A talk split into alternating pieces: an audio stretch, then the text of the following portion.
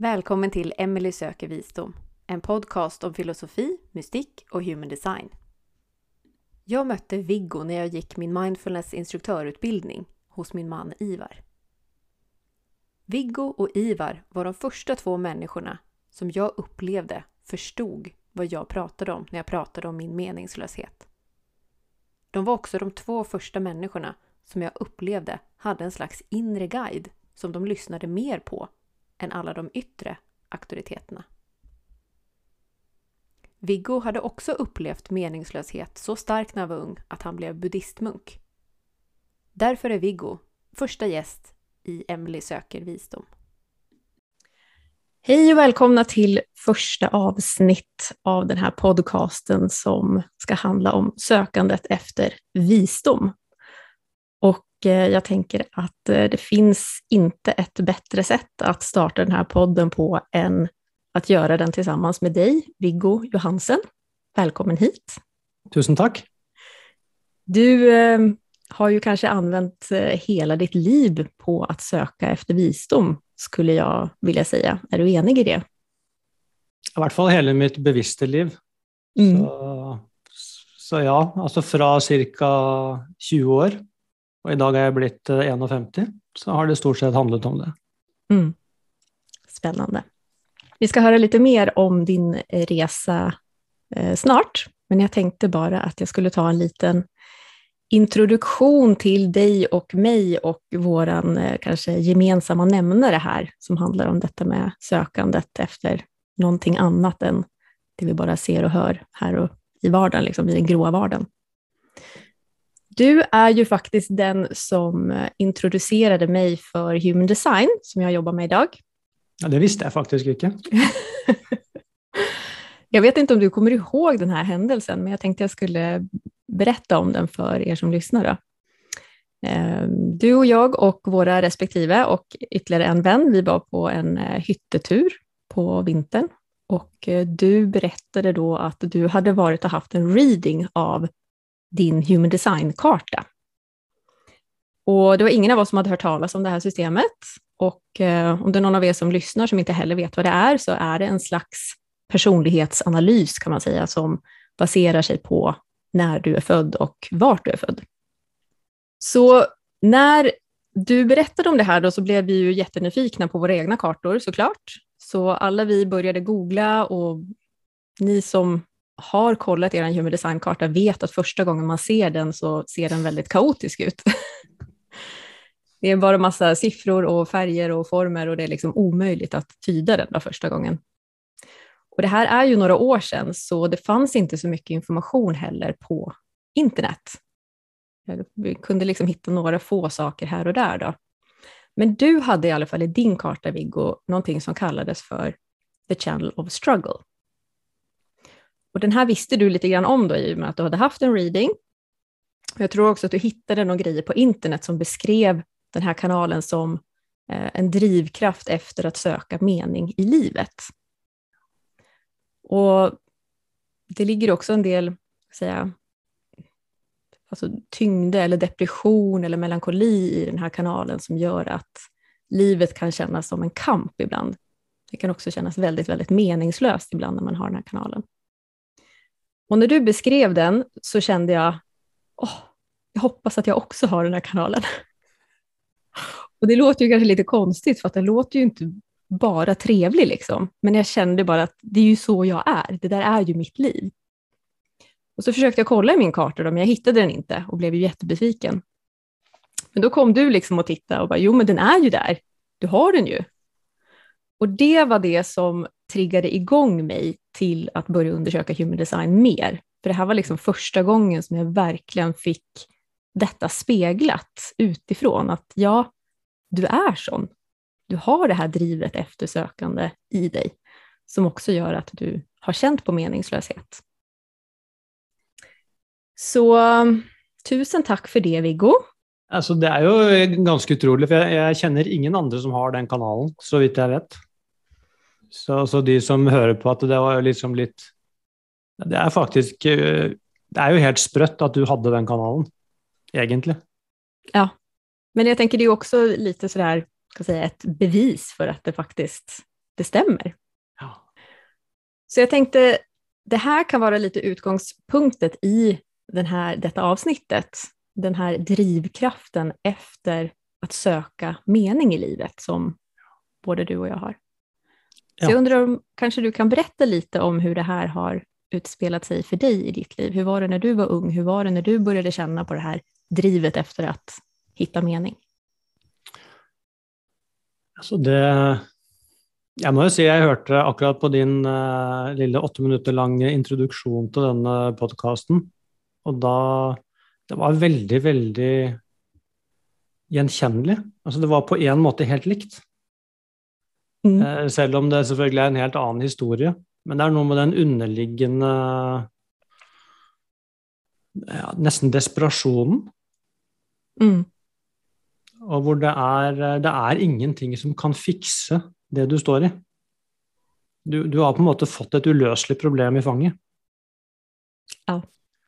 Og, og sånn opplevde jeg det i stor grad selv, og det var eh, Det var som et sort hull av meningsløshet. Og alle de altså, Man må kalle det narrativer, egentlig, for det er det det er. Alle altså, historiene i kulturen vår som på en måte forteller oss hva vi skal gjøre, og hvordan vi skal leve, og hva det vil si å være et menneske. Og alle de gikk bare rett inn i det sorte hullet. Altså, Det var ingen, det var ikke noe mat der for meg i det hele tatt. Mm. Så Altså, jeg hadde også som deg en Egentlig sånn igjen, da, ifølge narrativene, en eh, helt super oppvekst. Ja, veldig harmonisk, flotte foreldre, eh, en søster som eh, jeg hadde og har et veldig godt forhold til, masse gode venner. Det gikk bra på skolen, jeg var flink i idrett. Altså, det var sånn Ja, as good as it gets, på en måte. Og, og det var bra også, helt til det plutselig Jeg er ikke helt sikker på hva som utløste det, men det var eh, Det kom liksom sammen. Altså, det var både meningsløshet, men men det var kanskje viktig med noen sånne triggende episoder, altså hvor jeg hadde eh, Jeg fikk angst. Altså av den da eksistensielle sorten. Var ikke, jeg var ikke redd for, for ditt eller datt, men det var forholdet mitt til eksistensen som, eh, ja, som var Det var helt voldsomt. Mm. Det, det var jo litt den Altså, du kan kanskje gå ut en mørk kveld og ser opp på stjernehimmelen, og så er det bare noe med perspektivene og, og storheten og litenheten av deg selv og det som noen ganger kan kjenne det enorme suget. Hva i all verden er dette greiene her for noe? Eh, Hvorfor later vi? Vi lever i Kardemommeby på en måte og later som det er det som er livet. Mm. Og så står du midt i dette vanvittige greiene som du ikke aner hva er, og du er jo et veldig kort øyeblikk. Så det er klart, da kommer jo den dødsangsten. Altså, den smeller jo bare inni deg. Som uh, egentlig ikke kanskje er en redsel for å dø, men det er et eller annet Det er kanskje de ordene som kommer. Mm. Men, men det er klart, i, i det greiene der så ligger det jo en drivkraft. Det gjør det, gjør det helt klart. Det, det er som det eksploderer inni deg, og så er du bare tvunget til å søke. Selv om ikke du aner hvor du skal gå. Så har du ikke Du får ikke fred fra det, ikke sant? og du kan få Ja, du kan bli rik, du kan være pen, du kan ha verdens flotteste kjæreste, altså du kan dra på de beste feriene i verden. Altså, det er helt tomt. Mm. Det er total, altså de greiene der, det blir bare sånn Ja. Det, er, det har bare rett og slett ingen effekt. Ja. Og klart, hvis alle rundt deg går og At det er det, du, det de søker og snakker om, så blir du veldig alene. Ja. Og jeg tror det var det jeg også ble så redd for, at det var ingen annen som snakket om de store tingene. Ja. Og der tror jeg angsten kommer inn. Og så hadde jeg også noen sånne rare opplevelser hvor uh, det var lys som eksploderte i ansiktet mitt på Ja, egentlig hver gang jeg skulle sove. Det var som å få baller av lys. Som jeg, det var sånn jeg opplevde at de kom mot meg liksom eksploderte i ansiktet mitt. Det var jo ikke noe vondt, men det var jo For det første så var det litt sånn sjokkerende, men faen, jeg ble jo redd. For at jeg, jeg var jo redd for at jeg skulle bli gal. Det er jo stort sett det som ligger under der. Mm. Og så hørte jeg altså et annet åndedrett oppe på soverommet mitt på natta. Altså sånn, jeg hadde en veldig følelse at det var noe eller noen i rommet mitt, som jeg selvfølgelig ikke så. Som jo også er sånn altså ja, Narrativet i kulturen er jo jævlig bare sånn skremmende. Og det var jo skremmende òg. Så ja, så den pakka der til sammen, selvfølgelig, var, eh, var mye. Jeg dro ikke til psykolog. Jeg snakka faktisk ikke med noen om det. For det, jeg tror jeg var så redd for egentlig galskap. Så jeg prøvde bare mm. å Jeg fikk to liv, på en måte, så jeg spilte rollen min så godt jeg kunne i hverdagen. Og det gjorde jeg godt nok til at ja, jeg, jeg, tror det var en del som merka at det var et eller annet, men det var, ikke, det var ikke sånn at det var noe bekymring rundt min funksjon på noen måte. Men, uh, men jeg ble rett og slett bare mer og mer desperat, inntil jeg da det var som å få en rakett i rumpa, egentlig. Hvor jeg da bare til slutt Altså i mangel av noe bedre å gjøre, egentlig, reiste jorda rundt. Og jeg gjorde ikke det for å dra til India for å finne en guru, eller jeg hadde ikke noen sånne ideer i hodet i det hele tatt. Jeg bare Jeg måtte bare ut, rett og slett. Altså. Mm. Og det er litt viktig, for at det Altså, min engstelige natur hadde holdt seg i Horten, tror jeg hvis ikke jeg hadde fått dette presset. Så det så klart det var helt jævlig når det sto på, men, men, når jeg ser tilbake på det i dag, så ser jeg det med helt andre øyne. Jeg ser det i et mye, mye større perspektiv, og jeg, og jeg ser at det måtte spille seg ut sånn for at jeg skulle komme i bevegelse. Så det var aldri eh, så skal jeg si noe som ikke fins, men altså jeg må bare la metafor. Det var aldri vondt ment fra eksistensens side. Jeg vet du har kalt det for livets intelligens en gang. Ja, det kan jeg godt stå inne for fortsatt.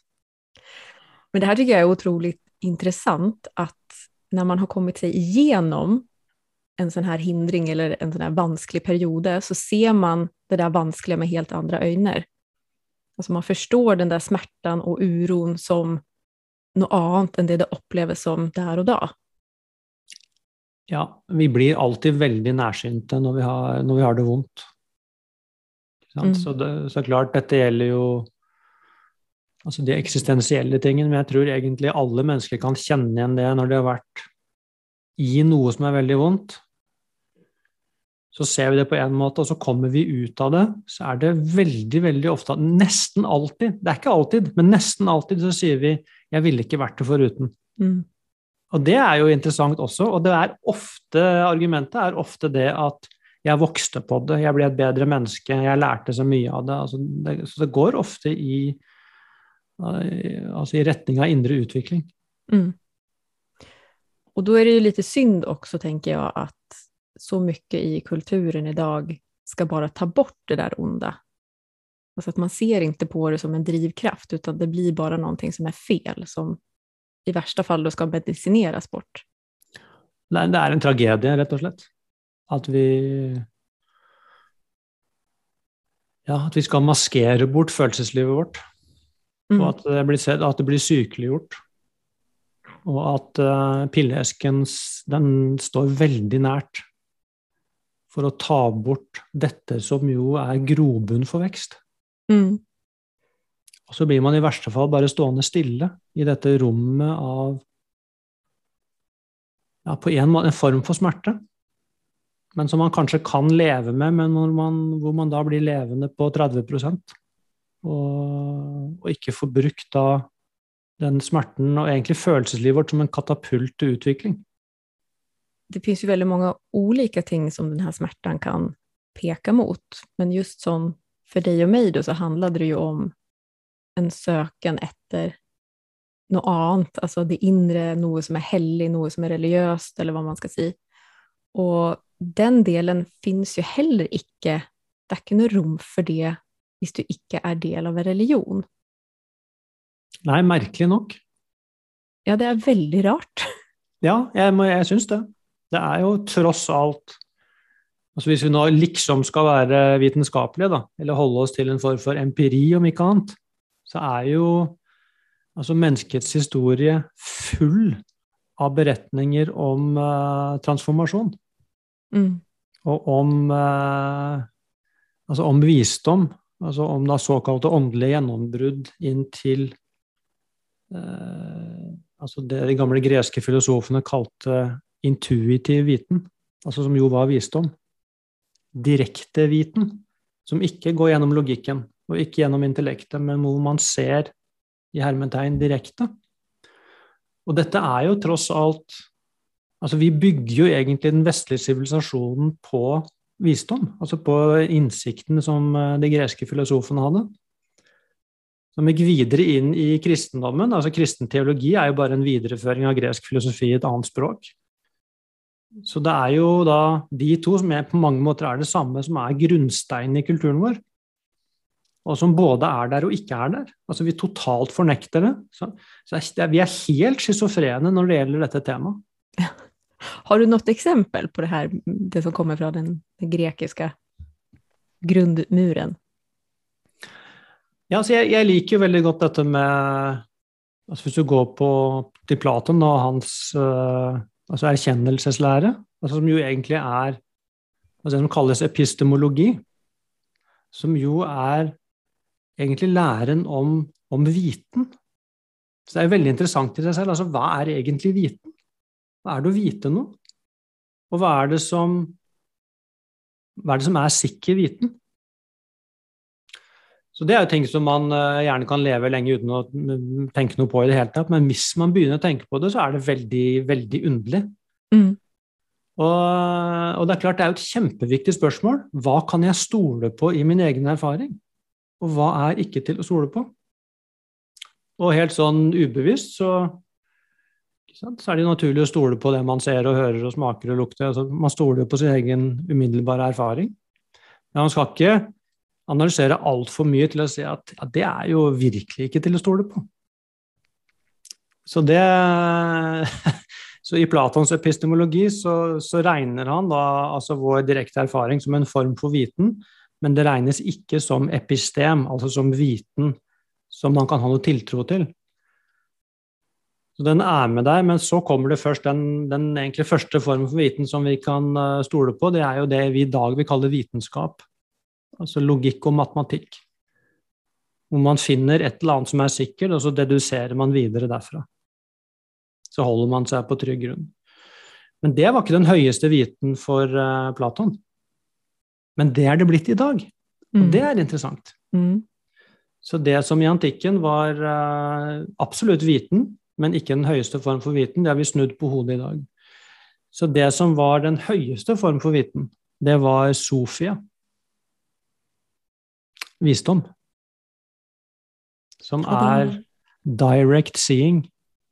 Og der var det jo Sokrates som var Han var jo altså modellen for det i hele antikken. Han var altså the sage, vismannen, som sto der på en måte som et lys som alle prøvde å strekke seg mot. Mm. Så var en for, altså Menneskets indre vei så sto på en måte da Platon som en, egentlig et symbol på hvordan visdom eh, ser ut i verden. Så Det er ganske interessant, og det er jo da nettopp uh, altså det de kaller en direkte viten. Det går ikke gjennom logikken, for i logikken så er det fortsatt avstand. Så mellom meg og det jeg vet, så er det fortsatt et lag. Et lag av matematikk. Mm. Denne muligheten for å se direkte, det, det, er på en måte der visdommen eh, fødes, ifølge da antikkens filosofer. Og interessant nok, det sier akkurat det samme i yogafilosofien og i buddhismen, og også i den kristne mystikken. Altså, dette ligger også i kristendommen, vi har bare glemt det også, og fullstendig fortrengt det. Så har vi gjort det som er eh, Jeg sier det rett ut. altså Det som er kristendom i dag i, i Skandinavia, er jo latterlig.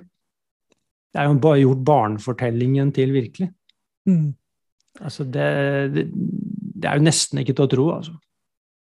Men jeg syns det er ganske interessant det her med kristendommen, for jeg har jo vokst opp med en kristen mamma og var en del i kirken som liten. Og de der fortellingene så jeg jo igjennom og så at for meg dette stemmer ikke. Men det var likevel ganske mye i Bibelen eller i kristendommen som også berørte meg utrolig mye. Mm, nettopp. Så det ligger liksom små spår overalt som man kan kjenne igjen fra hjertet, skulle jeg vilja si. Jeg er helt enig med deg. Hvis vi Det hadde vært ålreit hvis noen kunne speila det litt når vi vokste opp, at, det, at vi har dette, denne rare følelsen av sannhet i oss. Ja. Hvor vi kjenner igjen som vi, ja, vi kjenner igjen, For det vi kjenner igjen, er jo egentlig sannheten i oss selv. Du kjenner bare at det resonnerer, så, så du bare vet det. Og at det er noe du kan stole på. Ja, og det er det jeg tenker også med Sokrates.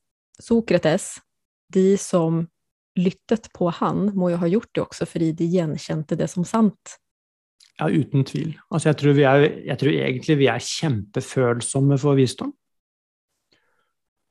Det, det opplever jeg jo selv hele tiden. Altså sånn, når jeg snakker med folk og, og, er i visse settinger og kanskje leser visse passasjer fra visse tekster, snakker om spesielle temaer, så jo Så kommer jo tårene med en gang. Altså, gjenkjennelsen kommer med en gang. Altså, det er noe som Kroppen åpner seg, tårene kommer Altså man Med en gang. Mm. Så det er jo eh, på mange måter en, eh, en krise for oss at disse temaene ikke fins i kulturen lenger. Mm. For det at uh, altså Det er jo grader av altså Min søken og din søken ble vi kun, altså det, den var Jeg hadde ikke noe valg. Men jeg opplever jo egentlig at alle jeg møter, er søkende, i den forstand at de har en lengsel mot uh, Altså mot sannhet, hvis jeg kan bruke et sånt ord. Det er en lengsel mot den fylden som ligger i det dypere laget av oss. Fordi at for psyken vår, den opplever jo avstand til alle ting.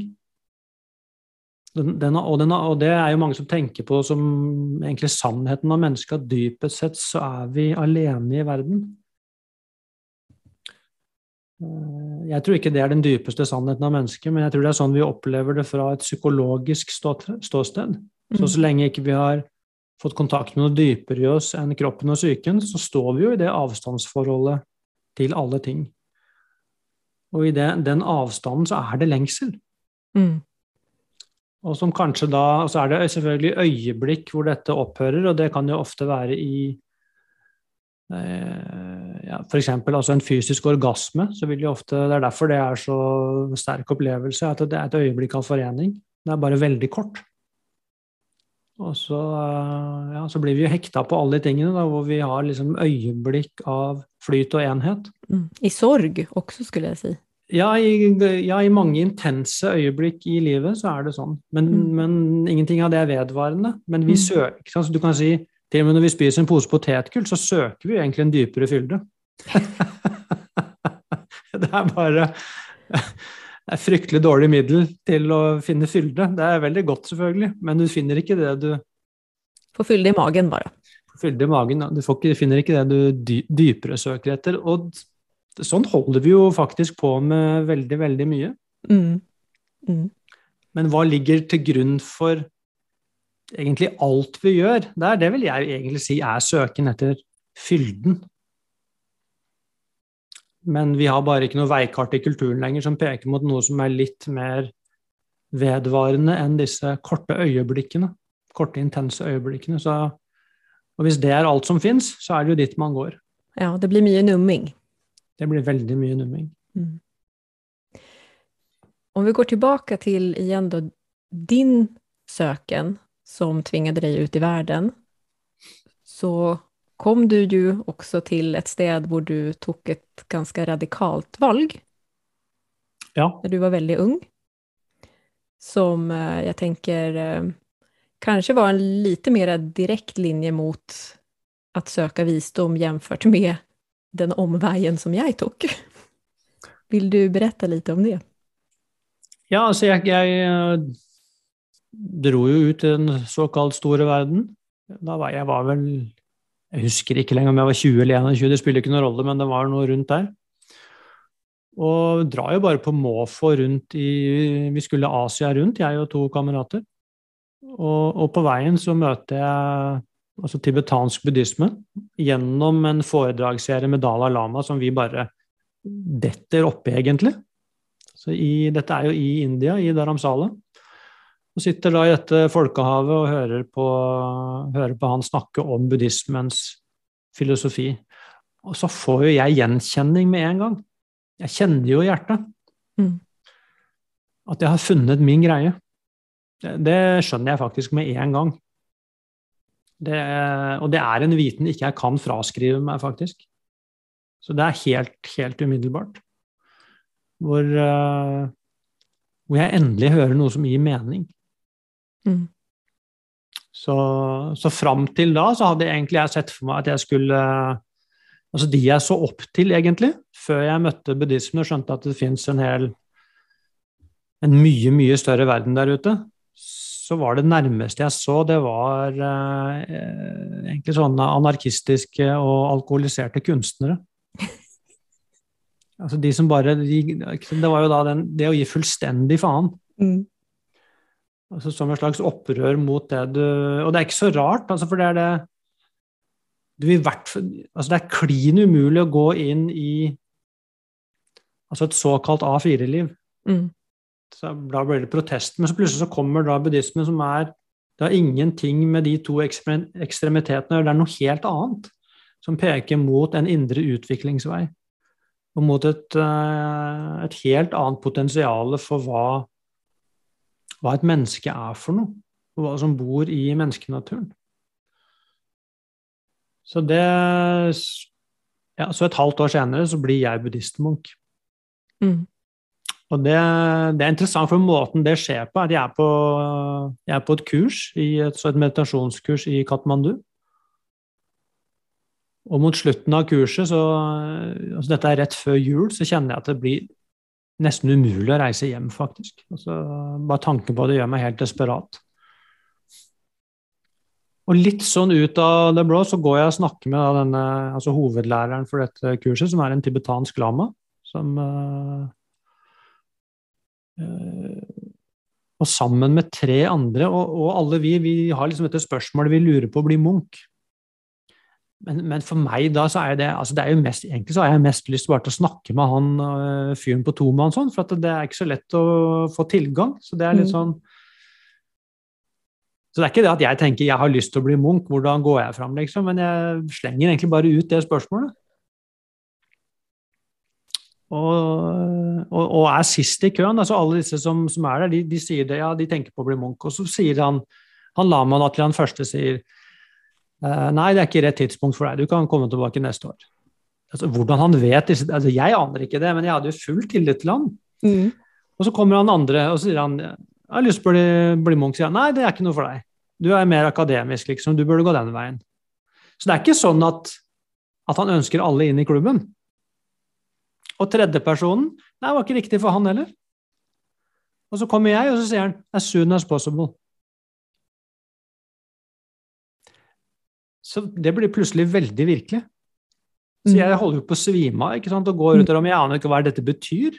Så jeg er jo midt i et studie på Universitetet i Oslo. Jeg har leilighet i Oslo som jeg leier. Ikke jeg har jo familie og altså jeg har jo et helt Hele livet mitt er jo i Norge.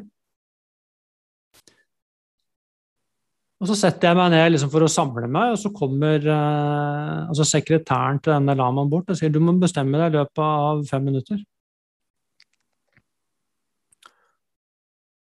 Og så hører jeg meg selv si ja, men jeg blir. Jeg blir Munch. Så kan man tenke hva i all verden er det for noe? Altså, hvordan kan man ta en sånn avgjørelse på et sånn grunnlag? Mm. Det, det, kan jeg tenke på, men, altså, men, jeg visste da, og jeg vet jo også nå, at det var helt riktig. Jeg kjente det hele meg. Ja. Det var, men det var jo ikke noe jeg hadde lyst til. Det har ingenting med lyst til å gjøre. Mm. Det var jo en, på mange måter en tung avgjørelse. Men, men, det var også så akkurat som om noe i meg jubla. Noe i meg var livredd. Noe, med, noe i meg var jo også i sorg over alt jeg egentlig nå måtte, altså måtte si farvel til. Så er jo en enorm avgjørelse, egentlig. Det er jo interessant at jeg er splenic, altså har splenic authority human design. Da. Sånn at egentlig så skal jo jeg ta avgjørelser på den måten, ifølge, ifølge designet mitt. Ja. Det visste jeg jo ikke den gangen, men, men det, jeg har tatt veldig mange sånne ting i livet som er helt ut av det blå. Så slår bare lynet ned, og så gjør jeg noe som Hvor i all verden kom det fra? Og så viser det seg jo at det er alltid riktig valg. Ja. Jeg syns det er ganske interessant, for at i Sverige så har vi jo blitt kjent med en mann som heter Bjørn Lindeblad, som også ble munk når han var veldig ung. Og han gikk jo også fra å være en av Sveriges yngste ledere i noen kjempestor konsern og tjente masse penger og var veldig, veldig framgangsrik. Men bare plutselig Jeg lämnar det her. Jeg måtte bare bli munk. Og han tror jeg var munk i 20 år eller noe sånt der innan han kom, kom tilbake. Han lever ikke lenger i dag, men, men det er også den samme den der måttetheten. Ja. Du har ikke noe valg, du bare må. Ja. ja det er et indre, si, et indre krav mm. som du bare må følge. Mm. Og, og, som jeg jo ikke hadde noe altså Jeg hadde ikke noe teoretisk grunnlag for å forstå det den gangen. Altså sånn, mens i dag så vil jeg jo tenke at uh, jo, den type ting burde vi være veldig på vakt for. For vi har disse systemene i oss som snakker til oss mm. i viktige øyeblikk. Så er det noe med å si at vi har, inn, at vi har en indre autoritet som det er smart å følge. Ikke hodet som bare plaprer, og som prøver å finne ut av ting hvor det er for og imot. Du finner aldri altså Jo mer du tenker på noe, jo mer tvil får du. Mm. Ja, gud, ja. Så igjen, altså hva Altså, hva skal jeg stole på når jeg skal ta et valg? Mm. Ja, og jeg tror at de fleste av oss har noen sånne eksempler fra sitt eget liv der man har kjent den der Det her måtte jeg bare gjøre. Jeg, jag, kan ikke gå imot det her, even om det kanskje er logisk fel eller alle andre rundt en tykker at man skulle ha gjort noe helt annet, men at man har kjent den der Jeg bare må. Ja, jeg tror det. Jeg tror, alle, jag tror egentlig alle kjenner igjen det. Mm. Men det er bare det at det Vi kunne godt blitt fortalt at vi er sånn. Det hadde kanskje blitt litt mindre vanskelig når den stemmen dukker opp, for da ville vi visst ja, nå er det dette som snakker. Nå må jeg bare adlyde. Mm. Må jeg bare følge, uansett hvor vanskelig det er. Har du et navn på dette, denne måttetheten? Altså jeg, jeg, egentlig så har jeg mange navn på det, tror jeg. Men øh, jeg ville jo egentlig kalt det for indre sannhet.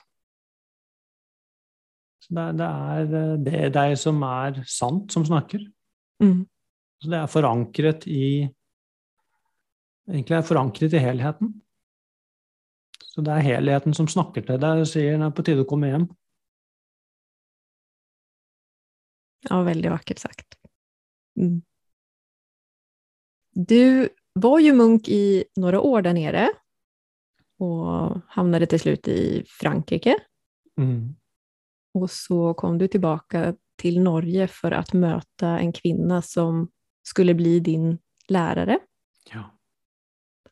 Og etter at du hadde møtt henne, så reiste du aldri tilbake igjen som munk. Nei. Der kom du til et, en ny sånn måttethet, eller det var noe nytt der som et nytt veiskille for deg, da? Ja. Det er jo altså akkurat det samme skjer egentlig igjen, bortsett fra at denne gangen så er det jeg må gjøre, er å slutte å være Munch. så det er jo superinteressant også. Altså dette med altså følelsen av det som er sant, den er den samme. Mm. Men hva som er sant, det kan jo faktisk da, som det var i mitt tilfelle, være totalt altså, motsatt. Mm. Så, så, det vil jeg jo si i dag, at det var en absolutt sannhet for meg å bli Munch. Og det var en absolutt sannhet at jeg måtte slutte å være Munch igjen etter fire år. Så da mm. var, det, da var det ferdig. Da hadde spilt ut sin rolle. Så det å fortsette i den rollen da, det, det opplevde jeg som en løgn. Så det kunne jeg rett og slett ikke. Men det var like vanskelig, eller det var faktisk enda vanskeligere. Altså dette med å slutte, tre ut av den rollen, var helt, det var helt jævlig. Ja, du gikk rakt inn i ångest igjen, gjorde du det? Ja, det var uh, altså, For det er så Du vet altså, psyken vår liker ikke store endringer.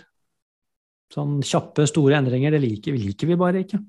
Vi liker liksom å ta det porsjonsvis, så vi får fordøyd det sånn trinnvis. Så det å plutselig Da er jeg jo blitt 26 år, og plutselig stå tilbake i, ja, i Oslo, da, og egentlig Jeg hadde jo ikke noe studie som jeg, jeg hadde jo vært Munch, men det hadde jo ikke noe verdi egentlig den gangen. Uh, så ja, jeg var på en måte 26 år og hadde jo ikke noe, noe nettverk. Jeg hadde jo hadde egentlig bare tatt masse dårlige livsvalg, på en måte. Og så står jo da plutselig hele livet foran meg og tenkte hva i all verden skal jeg gjøre nå? Det, så det, ja, det ble det ble hudløst. Mm. Men der også så tenker jeg jo det her med å kjenne at det her er noe jeg må gjøre, even om det medfører enorm smerte og panik, eller vet ikke hva som skal hende, men man bare vet at det her må jeg stå igjennom. Ja. Opplevde jo det samme når jeg um, började meditera faktiskt. Mm. Eh, och första gången jag mötte min, min man Ivar och eh, blev introducerad för mindfulness och meditation. Och eh, efter den första samlingen jag hade varit på, för jag tog en ett studie i det då, så gick jag runt med konstant ångest, nästan panik, dygnet runt i två mm. veckor och var livrädd och folk runt mig var så här, ja men du kanske inte ska göra det här, det här är kanske fel för dig. Men det var någonting i mig som bara visste, jo, det här, jag måste igenom det här. Att man har en sån igenkänning ändå, att det här, det här är vägen. Ja. Även om det ikke er behagelig alls. Ja, det er utrolig viktig, for ellers så hadde vi jo stoppet. Vi hadde aldri gått igjennom hindringene våre. Og da finner vi jo heller ikke ut av oss selv. Blir vi, vi blir jo da stående på stedet hvil. Og det er jo en, mye, det er jo en dyp sorg. Mm. Det andre er bare noe som gjør litt vondt. Det er jo voksesmerter, egentlig. Ja, det kan vi si. Så hvis du ser på Per Gynt, altså hver gang bøygen kommer, så går han utenom. Helt til han som en gammel mann faktisk da griper kjernen. Men altså den, det er veldig, veldig gode bilder. Mm. Så, og, og, der er det faktisk igjen noe med å ha For klart, de som står rundt deg, ikke sant, de blir jo redde. Altså, vi, vi, er blitt redde for disse sterke følelsene. Og sier da Med alt vi har av kjærlighet, det er jo så godt ment, det er jo ren omsorg, ikke gjør det. Det er nok best for deg å la være. Jeg tror ikke dette er trygt for deg. Istedenfor å, å kunne se det at nei, sånn er livet. Altså, du er et menneske. Det er sånn menneskelivet er. Det er sånn vi vokser. Mm. Det er sånn Les eventyrene, les om heltens reise. Altså, nå er du på heltens reise. Og nå står du overfor The Abbess. Nå må du ta spranget. Og husk på det, det er ikke farlig for alt du opplever, er deg selv. Så per definisjon så er det ikke farlig, for det er noe som er i deg. Og det er klart du har det i deg til å stå i det som kommer fra deg. Hvis vi kunne blitt fortalt det, så ville ah, ville du kanskje fått den tryggheten du trengte for å ta det neste skrittet. Du mm. ser det at ja, det er jo, jeg er jo en del av uh, altså the human family. Det er sånn vi gjør det. Plantene gjør det på en annen måte, og dyrene gjør det på sin måte, men dette er vår måte. Mm. Det er dette vi må møte for å blomstre. Og her vet jeg Vigdis, da, som ble din lærer når du kom tilbake til Norge igjen, bruker säga at det kjennes som at man skal gå inn i en mørk grotte og bli der. Ja. Men det handler jo, men du kommer jo ut. Det er et ljus på andre siden, men det kjennes ikke som det Nej. når man går inn i det. Nei, og Hvis noen også da forteller, alle som står rundt deg, sier nei, ikke gå inn der, for det kan hende at mørket tar deg, så er det klart, så skal det veldig mye til for å gå. Mm. Men det er klart, hvis noen sier jeg vet nøyaktig hva du opplever, og jeg har vært gjennom det samme Det er noe som heter å gå igjennom. Mm. Så nå må du ta de altså redskapene du er født med. Som helten i heltens reise. altså Det er jo stort sett sverdet. Men altså, vi har disse redskapene. Vi har mot, vi har styrke, vi har vilje, vi har konsentrasjon, vi har skjelneevne. Altså, vi har disse tingene. Og, og, det å gå inn i da vår egen livssmerte og vår egen forvirring, det er jo måten disse redskapene blir sterkere på. Mm. Det er ved å bruke dem at de eh, vokser. Og jeg tenker også at er vi litt sensitive og følger med på livets retning, så ordner livet det her for oss av seg selv. Det er bare å bli med. Ja, det er, det er akkurat det. Og det er det som er så ufattelig. Å se hvordan Igjen, da, hva er det vi står midt i? Det vi ofte kaller den grå hverdagen. Mm. Give me a break. Altså, det er Du står midt i et mysterium altså, som er unfat... Altså, det er, det er totalt uforståelig. Men i det så må du bare si wow. Og si uansett hva jeg gjør, så møter livet meg. Møter meg akkurat der jeg er. Åssen er det mulig?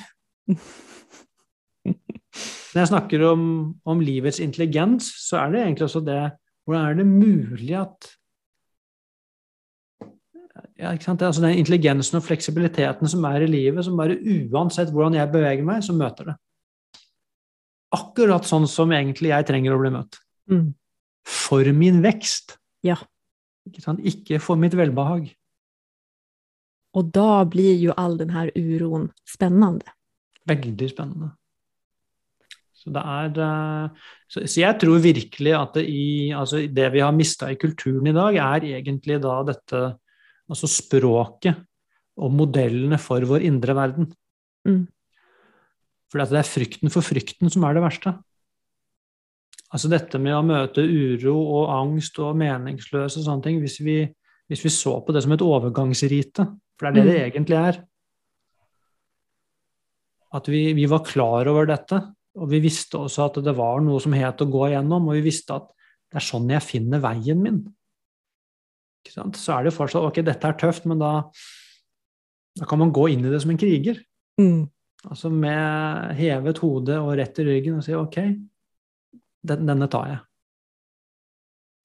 Og jeg tror det var det som hendte også når jeg møtte Ivar, min mann, at han var den første som kunne speile dette og også si det. Ja, men så bra, når jeg stod der og hadde fullstendig panikk. Ja, men det er kjempebra.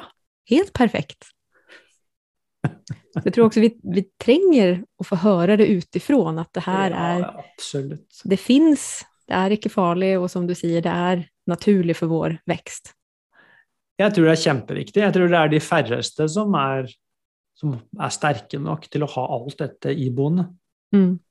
Det er jo noen, altså sånn eh, ja, Vigdis var jo en, en, sånn som bare gikk veien helt alene, men altså de, de fleste trenger ytre speiling for at mm. dette indre maskineriet skal komme frem. Det er helt klart. Mm. Kan du gi oss en kort beskrivning av hva som hendte etter at du møtte Vigdis, fram til der du er i dag, der jeg vet at du absolutt ikke opplever hverdagen som grå? Ja, så jeg var jo egentlig midt i en ja, midt i en krise egentlig igjen når jeg møtte Vigdis. Som Jeg var egentlig på vei ut av uh, ikke buddhismen, for at buddhismen den dag i dag har jeg et veldig har jeg et kjærlighetsforhold til. Altså som Buddhismen som en livsfilosofi. Er, for meg det er ren poesi, rett og slett. Altså. Men buddhismen er jo også en religion. Mm. Og jeg hadde jo begynt ganske tidlig å få problemer med religionen. For det er jo ingenting for meg. Det var ikke, det var ikke derfor jeg søkte meg inn i dette. Så, det, så, jeg skjønte aldri det. Akkurat som tidløs visdom møter tiden. Altså så blir det den blandingen mellom kultur og visdom. Den er ganske vanskelig å skille fra hverandre. Mm. Ikke sant? Så, så det tok jo noen år liksom, før jeg Og så ble det plutselig et kjempeproblem. Men da var jeg så, også så fanget, for tanken på å gå ut av det, så kjente jeg meg bare helt ensom i verden. Så det var, noe, det var egentlig ikke noe alternativ. Men jeg kunne heller ikke bli der jeg var. Men jeg fant ikke, hadde ikke funnet veien min i det. Mm. Og så møter jeg da Vigdis, og som da altså Som jeg bare opplever som ser altså Hun ser meg bare tvers igjennom. Det er første gang jeg må, egentlig må si at jeg har blitt sett ordentlig. Altså jeg har blitt sett som meg tvers igjennom. Så det er jo selvfølgelig veldig sterkt når det skjer. Og hun bare rett og slett pekte rett på at jeg levde en livsløgn. Hvor jeg Og det kjente jeg jo Vi visste jo egentlig det, men eh, jeg hadde ikke tatt det helt inn. At jeg spilte en rolle som Munch. Altså at jeg spilte visdom. Og, det, og det er klart, i det Altså, det jeg viste verden, det var én ting. Altså, mens det jeg opplevde i meg selv, var jo noe helt annet. Det var jo et stort misforhold mellom uh, altså mine parents og mm. min virkelighet. Og det så jo hun med en gang. Og bare pekte på det. Og det var jo en enorm lettelse, rett og slett. Altså jeg falt jo Jeg kunne da falle håper jeg, inn i meg selv. Og at det var nok. Altså, det var nok å bare være meg. Jeg trengte ikke spille noen roller i det hele tatt. Men så skal du gå derfra ut i en verden hvor kun roller eksisterer. Mm. Altså hvor det å være meg er ingenting. Det er ingen mm. som har ingen betydning, har ingen verdi. Og ikke minst da også slippe tak i alle de rollene som jeg jo hadde hentet veldig mye på. Altså jeg ble jo ja, jeg var liksom på vei egentlig ut i den store verden, og så så Munch og skulle undervise andre og liksom være en eh, ja, håper å si en vismann. ikke sant? Det er jo til å le seg i hjel, da, men uh, Spirituell direktør. Ja, nettopp. Så klart, så det å gi avkall på det å bare være det jeg faktisk var, en forvirra uh, ung mann på 26 år, som var også skikkelig seksuelt frustrert. Altså, det er klart eh, Det er ikke noe det er ikke noe hent, og, og vi, vi, blir jo Inntil vi får dyp indre kontakt, da, så henter vi jo også Vi henter jo vår speiling utenfra. Ja. Det er noe henter vår annet. verdi utenfra. Ja. Det å ha forstått noe er jo noe helt annet enn å kunne leve det ut. Ja, det, det er helt sikkert. Altså. Så det var jo, det er der så klart, så I det så var det jo god, god grobunn for uro og angst, selvfølgelig. Men det var der det begynte. altså Mitt møte med Vigdis var en Altså, jeg gjenkjente med en gang jeg så henne, faktisk. Før jeg hadde snakket med henne. Jeg så bare øynene hennes, så visste jeg det at, uh, at hun var min lærer. Mm. Veldig underlig, faktisk, men sånn var det. Og jeg visste også at nå er det slutt. Og det var helt riktig. Mm. Så, og så begynner jo da egentlig mange, mange år, egentlig, hvor jeg da går tilbake på universitetet og studerer filosofi. Og så snakker jeg med Vigdis. Og det var jo, jeg må jo si Jeg tok ikke hovedfag i filosofi, men det var jo noe jeg gjorde på si, egentlig. Altså. Mm. Det jeg egentlig gjorde, var å snakke med Vigdis. Og det tar meg vel jeg tror det tar syv år. Altså hvor jeg eh, Før jeg egentlig kjenner at nå har jeg funnet plassen min. Mm. Og det var syv intense år. altså Vi snakker ikke om en helgekurs her. Altså. Det, var, liksom non stop, egentlig. Så, så, det er ganske interessant altså, etter tidsperspektivet. Og, og jeg var jo godt forberedt egentlig før jeg møtte Vigdis, kan du si. Altså, jeg hadde jo levd fire år som munk og sittet i månedsvis i retreat, ikke sant. Og, så, så, det er jo sånn Når folk snakker med meg i dag, så tror de liksom det det der munkegreien at det, det, det, har jo ingenting med saken å gjøre. Det er jo samtalen min med Vigdis som uh, Det er det jeg snakker fra.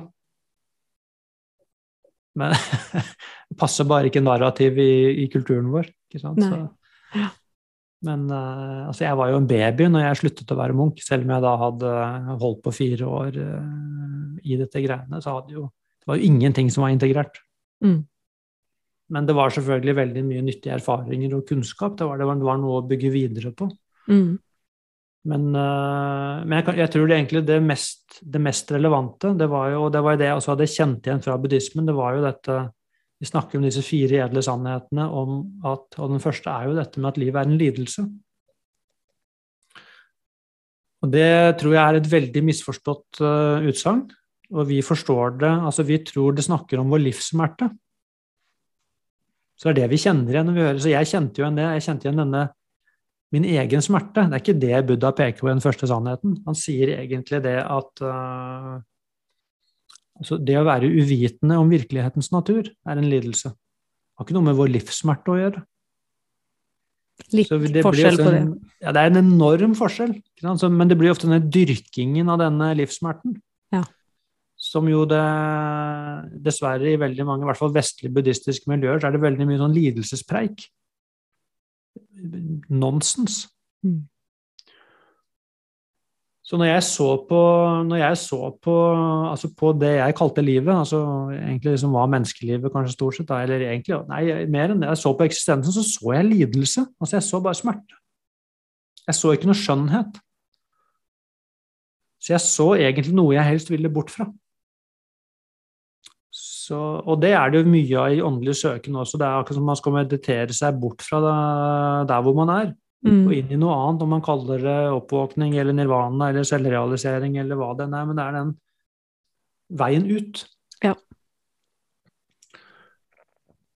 Og, men, men, det er interessant også, jeg visste egentlig, og jeg så det jo hos Vigdis, så så jeg jo et menneske som, som åpenbart så lenger enn meg.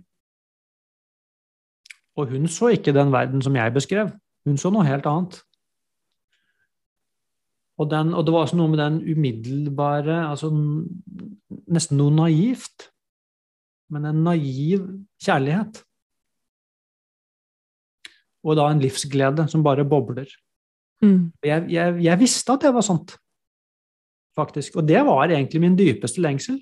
Mm. Men det trodde jeg var utilgjengelig for meg. Det trodde jeg aldri jeg skulle få oppleve, faktisk. Så det er veldig, veldig interessant. For det var så dypt i meg. Eh, så jeg sjekka hele tiden inn med meg selv altså om jeg kunne si dette altså, Kan jeg si at jeg elsker livet? Og det kjente jeg at det altså I begynnelsen var det sånn Det var så langt unna at det var, det var rett og slett som himmel og helvete. Mm. Mens etter hvert som jeg også sikkert da fikk dekket opp mine egne sår, så endret jo også synet på livet seg. Og så kjente jeg det etter syv år. Så kunne jeg stille meg selv spørsmålet kan du si at du elsker livet. Så kjente jeg at jeg kunne si ja. Mm. Det er uh, faktisk enormt stort. Mm. Så, og da står du plutselig på en helt annen grunn. Jeg, jeg, ser jo fortsatt altså folk strever, og det er mye smerte og det er mye lidelse. Det er veldig mye, men det, det jeg ser i dag, er at det hviler på en annen grunn.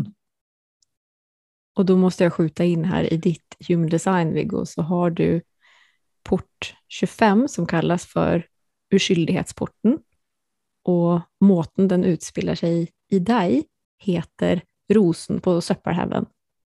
Altså evnen til å kunne se det vakre överallt det er nesten rart at det står altså det er, jeg, har veldig, jeg har fortsatt litt problemer med human design, for jeg har et problem med at noen skal skrive ut et sånt kart på grunnlag av, en, av, et tidspunkt. Men det er helt vilt, altså den presisjonen som, uh, som er i de karta. Det er helt merkelig. Mm. Men det er akkurat, det er en fantastisk metafor, for det er akkurat sånn det er. Og det er mm. det jeg opplever egentlig er altså meg i tid og rom. Det er meg i tid og rom det er han som peker på den rosen. Mm. Og sier 'ja, men har du sett den'? Og det gjorde jeg ikke til Altså, jeg så ikke jeg, jeg, vil jo si Nå så vil jeg si jeg så ikke langt nok. Mm. Og det er jo egentlig kanskje da noe med å se eh, meningen i the struggle. Nettopp på grunn da av den For det er der visdommen kan fødes. Ja. Og der ligger da det som grekerne kalte altså det høyeste gode. Det gode liv, altså, som, da, som, vi har da, ja, i dag oversatt med lykke. Men det er jo et forferdelig ord, altså på, for da tenker vi på happiness. Mm. Men altså det høyeste gode, det er en fylde det snakkes om. Det er ikke en uh, følelsesmessig tilstand som kommer og går. Det er noe som er vedvarende. Og her kommer jo også gavesiden inn i denne kanalen som vi har du och jag, Channel of Struggle, som heter Att vara naturligt levande. Ja. Det er veldig bra. Altså. For det er det det egentlig handler om. Ja. Altså dette med å Igjen da den grå hverdagen. Det er klart Men det er noe med å Altså hvis du, hvis du står helt åpen for et øyeblikk snakker jo Mindfulness om dette berømte øyeblikket, ikke sant? som jo også blir stort sett veldig misforstått, egentlig. Vi skal, vi skal prøve å gripe dette øyeblikket. Men altså, det er jo, du kan ikke gripe det, det er jo det som er hele poenget. Men du kan stå åpen for det. Men det vil jo da si at jeg må jo legge bort all bagasjen min på, på terskelen. Mm. Alt må legges bort. Og det innebærer også at jeg må legge bort alle kontrollstrategiene mine. Så jeg må gå naken inn i øyeblikket. Og det er den eneste måten jeg kan være i øyeblikket på, det er at jeg er helt naken. Og det er, det er jo noe i oss, det er det siste vi ønsker. mm. Men det er der livet ligger. Så det å smake på livet innebærer at jeg faktisk må kle av meg alle lagene mine av beskyttelse.